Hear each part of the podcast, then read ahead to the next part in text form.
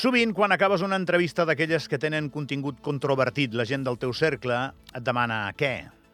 Et creus el que t'ha dit? El més normal és que jo digui que sí. I si l'entrevistat és un polític, posi algun matís de protecció, perquè no és que els polítics estiguin mentint tota l'estona a les entrevistes. El problema és que no hi ha manera que et diguin la veritat completa. Per això igual em congeixo una mica les espatlles, però acostumo a dir que sí, que em crec el que, el que em diuen malament, si no. L'altre dia, després d'entrevistar Marcelo Ponce, el president d'Argentinos en Andorra, em van demanar «Què? Tu creus?» La pregunta es referia si em creia el relat d'abusos laborals que ens va venir a explicar el programa. La meva resposta va ser sí, me'l crec al 100%.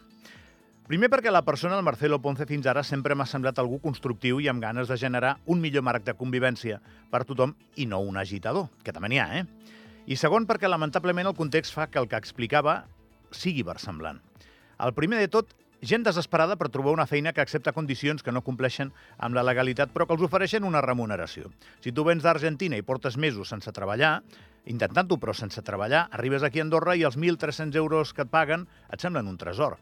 I és igual si te'ls paguen en negre o si et cotitzen o no a la CAS.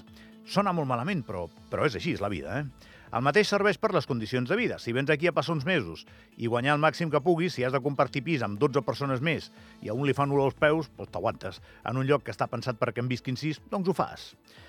Eh, segon, per aquest ecosistema que s'explica de contractacions sobre les subcontractacions que generen una taranyina que fan que qui està fent l'obra no tingui mai la culpa de res. L'empresari gran no sap ben bé què passa al final a la superfície i ho hauria de saber. Tenen la culpa, clar que la tenen, com a mínim per no fer un seguiment del que passa.